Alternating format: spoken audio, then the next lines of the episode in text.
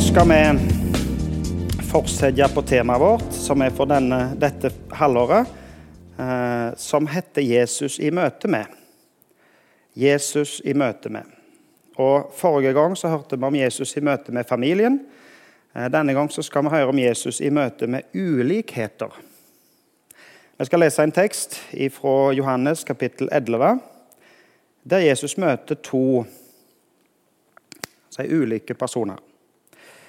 Vi skal lese, vi kunne for så vidt lest hele kapittelet, eller iallfall fra starten av kapittelet, for det er en hel historie, men vi skal nøye oss med å lese eh, noen vers, eller en del vers fra, fra vers 20. Johannes 11 og vers 20 og så utover. En plass så hoppa jeg litt, men det, det ser du. Det begynner sånn i vers 20. Da Martha hørte at Jesus kom, gikk hun for å møte ham. Maria ble sittende hjemme. Martha sa til Jesus, 'Herre, hadde du vært her, var ikke broren min død.' Men også nå vet jeg at alt det du ber Gud om, vil han gi deg. Din bror skal stå opp, sier Jesus. Jeg vet at han skal stå opp i oppstandelsen på den siste dag, sier Martha. Jesus sier til henne, 'Jeg er oppstandelsen og livet.' Den som tror på meg, skal leve om han enn dør. Og hver den som lever og tror på meg, skal aldri i evighet dø. Tror du dette? Ja, Herre, sier hun. Jeg tror at du er Messias, Guds sønn, han som skal komme til verden. Da hun hadde sagt dette, gikk hun og kalte i all stillhet på sin søster Maria og sa til henne, Mesteren er her og spør etter deg. Da Maria kom dit Jesus var og fikk se ham, kastet hun seg ned for føttene hans og sa, Herre, hadde du vært her, ville ikke broren min vært død. Da Jesus så at både hun og alle jødene som fulgte henne, gråt, ble han opprørt og rystet i sitt innerste. Og han sa, Hvor har dere lagt ham? Herre, kom og se, sa de. Jesus gråt. Vi hopper rett inn i en historie. En historie om to søstre eh, og en bror, som er nære venner av Jesus. Hvis du tar deg tid eh, etterpå til å lese helt fra starten av kapittelet, her i Johannes 11, så kan du lese at det står eh, Jesus var glad i Martha og søster hennes, altså Maria, og Lasarus.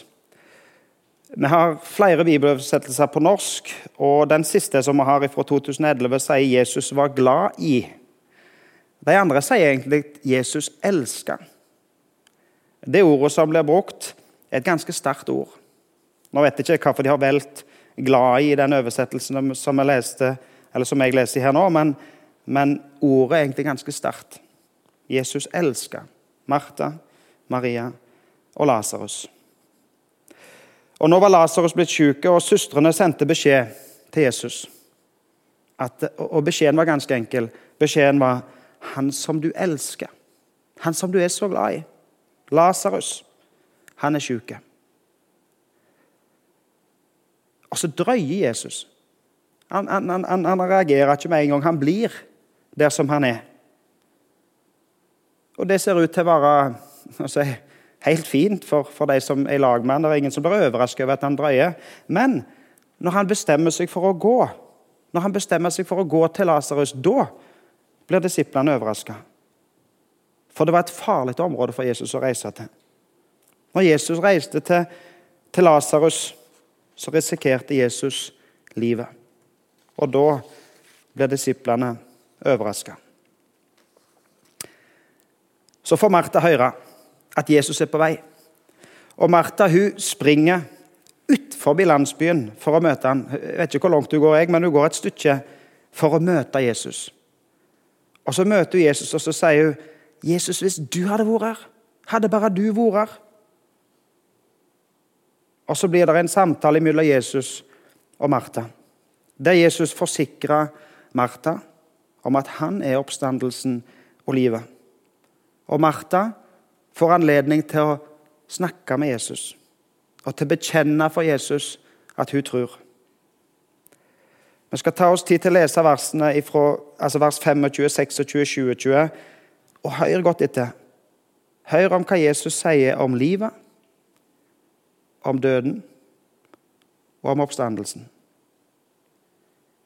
Jesus sier til henne, 'Jeg er oppstandelsen og livet.'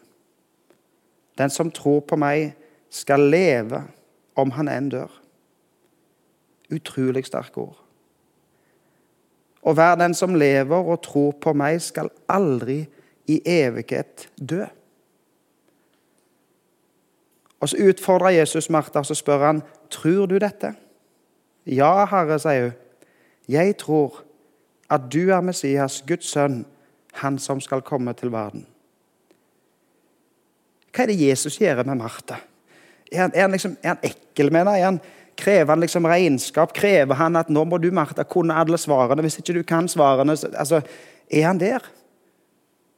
Er det den måten Jesus gir trøst på?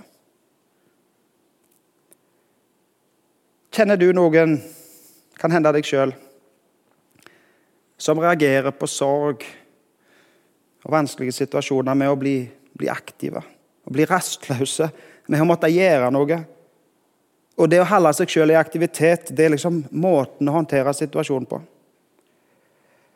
Personer som det tenker ofte at eh, måten de reagerer på, det er ikke det er liksom ikke kristelig. Det er ikke sånn en burde reagert. Burde jo heller vært litt mer åndelige. Idealet blir liksom å bøye knærne og være stille og søke det åndelige. Men det ligger ikke for sånne personer. Og I det vi leser nå, så ser vi at Jesus møter en sånn person. Ikke med anklager, ikke for å kreve henne til regnskap, men Jesus møtte henne med det som hun trong der og da. Hun trong en samtale.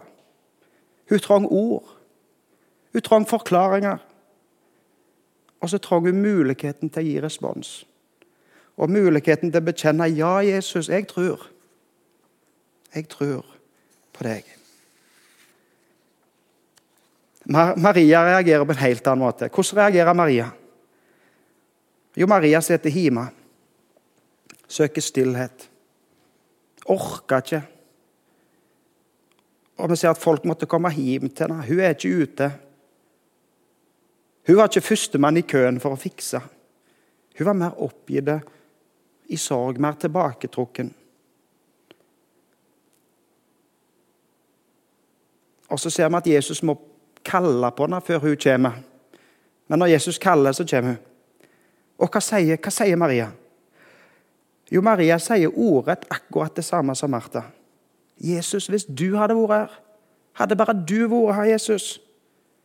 Og hva svarer Jesus nå? Akkurat samme setningen. Jesus svarer ingenting. Ikke et ord. Han som hadde svart med en lang samtale med, med Martha. Og Martha og Maria sier akkurat det samme. Nå sier ikke Jesus et eneste ord. I møte med Martha så reagerer Jesus med ord, med samtale. I møte med Maria så reagerer Jesus med tårer. Jesus sin respons er faktisk det aller korteste verset i hele Bibelen. Der står 'Jesus gråt'. Jesus gråt.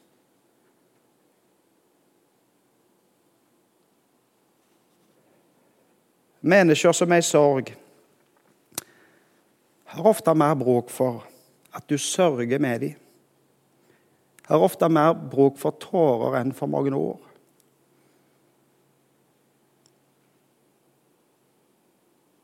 Ofte er det ikke nødvendig med mange ord. Det er ikke nødvendig at du skal fikse ting. Hva kan du fikse, da? Hva kan du fikse på et sykeleie? Hva kan du ordne opp i i en begravelse? Det viktigste er å vise omsorg. Vise tårer. Være til stede. Uten nødvendigvis så mange ord. C.S. Lewis han var en fantastisk forfatter. Skrev mange bøker. Mest kjente er, er historiene om Narnia, om løve og hekser og klesskap og, og disse. Eh, og C.S. Lewis skaper jo en hel verden i Narnia. Skaper en verden der, der du liksom må inn for å se og for å oppleve. Og C.S. Lewis sier at hvis denne hendelsen som vi har lest, hvis den hadde vært oppdikta, så ville Jesus reagert likt. Så ville han opptrådt likt i, med, i, i møte med disse to. Samme spørsmål, samme svar. Hvis du skal dikte en historie, så vil karakteren i den oppdikta historien reagere likt på samme hendelse. Samme spørsmål, samme svar. Og Så sier C.S. Lewis at det at Jesus opptrer så forskjellig, det beviser at dette her er det øyevitner som har sett, og som forteller det som de så, og det som de opplevde. Jesus er ekte. Jesus er ekte. Dette er en ekte hendelse. Og Jesus er levende. Noen ganger så brukes det berømte sitatet om at det er mange veier til Rom. Det brukes for å illustrere at det er mange veier til Jesus. Og så kan vi høre vitnesbyrd fra folk om hvordan de ble kristne. Og ja, soleklart, det er mange ulike veier til Jesus. Det er mange ulike måter å bli kristen på, for å si det sånn. Men Jesus er den eneste sanne veien. For å bli frelst er Jesus den eneste veien. Og det er sant. Livene våre er ulike, og historiene våre er ulike. Og Historiene om hvordan og hvorfor vi, vi kristne de, de, varierer. Og Jesus sjøl sier jo det. I et kjent bibelvers så sier han Jesus er veien, sannheten og livet. Ikke en av mange veier, men veien. Ingen kommer til Gud uten ved meg sier Jesus. Og så tegnes veien som, som smale og krokete. Og ja, det kan være mange vanskeligheter på veien. Og veien kan føles smal og krokete mange ganger. Livet med Jesus er liksom ikke et liv som går utenom alle de vanskelige tingene. Men beskrivelsen av veien som smal betyr ikke at veien liksom er lunefull, altså den er vanskelig, og her lurer altså At det er noen som legger feller i veien, og at det er utrolig lett å dette av. At det er glatt. Altså, det, er en, det, er ikke en, sånn vei som gjør at det, når du er forsiktig, for rundt hver sving så kan du dette av veien. Eller det at Jesus er en levende vei, det betyr ikke at han liksom er som en, hva skal du si, som en slags dårlig hengebru som beveger seg, og som du må streve for å holde balansen på. Nei, det at Jesus er en levende vei. Det betyr at han er spesiallagt for deg. Han beveger seg der du trenger han. Jesus er med deg på den smale veien. Jesus er med deg når du møter de vanskelige situasjonene. Jesus han møter deg og dine behov. Han kjenner deg, ditt liv, han vet hva du trenger. Og han er en levende vei. Han er en levende frelser. Når jeg leser historien om Martha og Maria og hvordan de reagerer, så, så kjenner jeg meg igjen. Jeg vet hvem jeg ligner på. Jeg vet ikke hvem du tenker du ligner på. Ligner du på Martha eller ligner du på Maria? Jeg for min del det er liksom sånn at, uff, Jeg skulle ønske det ikke var helt sant, men jeg ligner på Martha. Jeg søker svar, jeg bruker mange ord. Og I møte med problemer så vil jeg helst fikse, jeg vil ordne, jeg vil holde meg selv aktiv. Det er min måte å reagere på. Så tenker jeg ofte at jeg skulle heller vært sånn som Maria. Skulle liksom vært litt mer åndelige. Skulle vært litt rolige, avbalanserte søke trøst og bli trøsta. Men vet du, Jesus han møter begge to. Jesus møter både Martha og Maria. Og det er ingen av de som gjør mer rett eller mer feil. Men Jesus kjenner de begge to. Og Jesus møter de begge to på ulike måter. Og så er jo egentlig sannheten mer sammensett enn så. da. Ofte så ligner vi litt på begge to. Vi kan kjenne oss litt igjen i begge. Og Jesus, han kjenner oss. Bror til Martha Maria var død, Lasarus. Jesus kom liksom for seint, ser det ut som. De hadde jo allerede lagt han i grave. Og når de la han i grave på, på, den tid, i den delen av verden, så var det ikke sånn som her, ikke oss, at vi, at vi legger den døde i kiste og, og, og, under jorda. Men kroppen ble behandla eh, og ble lagt inn i ei håle i fjellet, og så var det en stein som var framfor. Og når Jesus kommer her til grava, så blir han opprørt og rysta. Og Da brukes egentlig ganske kraftige ord, utrolig kraftige ord om hvordan Jesus reagerer. Hvorfor reagerer Jesus så sterkt? Hvorfor er det så sterke følelser i sving? Jo, Det viser i alle fall for det første hvor glad Jesus var i Lasarus. Han var jo en som Jesus elska. Han brydde seg. På samme måten som han elska meg og deg og oss alle. Han, han bryr seg. Han blir opprørt og rysta når vi er i vanskelige situasjoner. I møte med sorg, sykdom, død. Men teksten viser også tydelig at Jesus eh, Tidligere i teksten så viser teksten tydelig at det, at Jesus skulle gjøre Lasarus levende igjen. Han sa jo det, han visste det hele tida, Jesus. Han skulle jo liksom gjøre sitt største under her.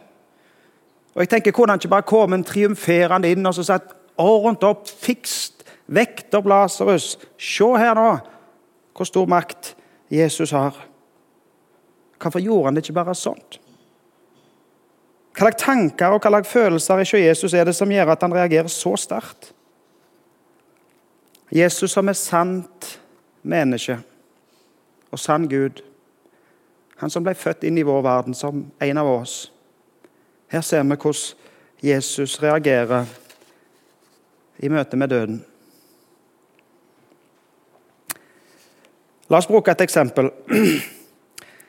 Hvis ei jente på 25 år er nyforlova og har begynt å planlegge bryllupet sitt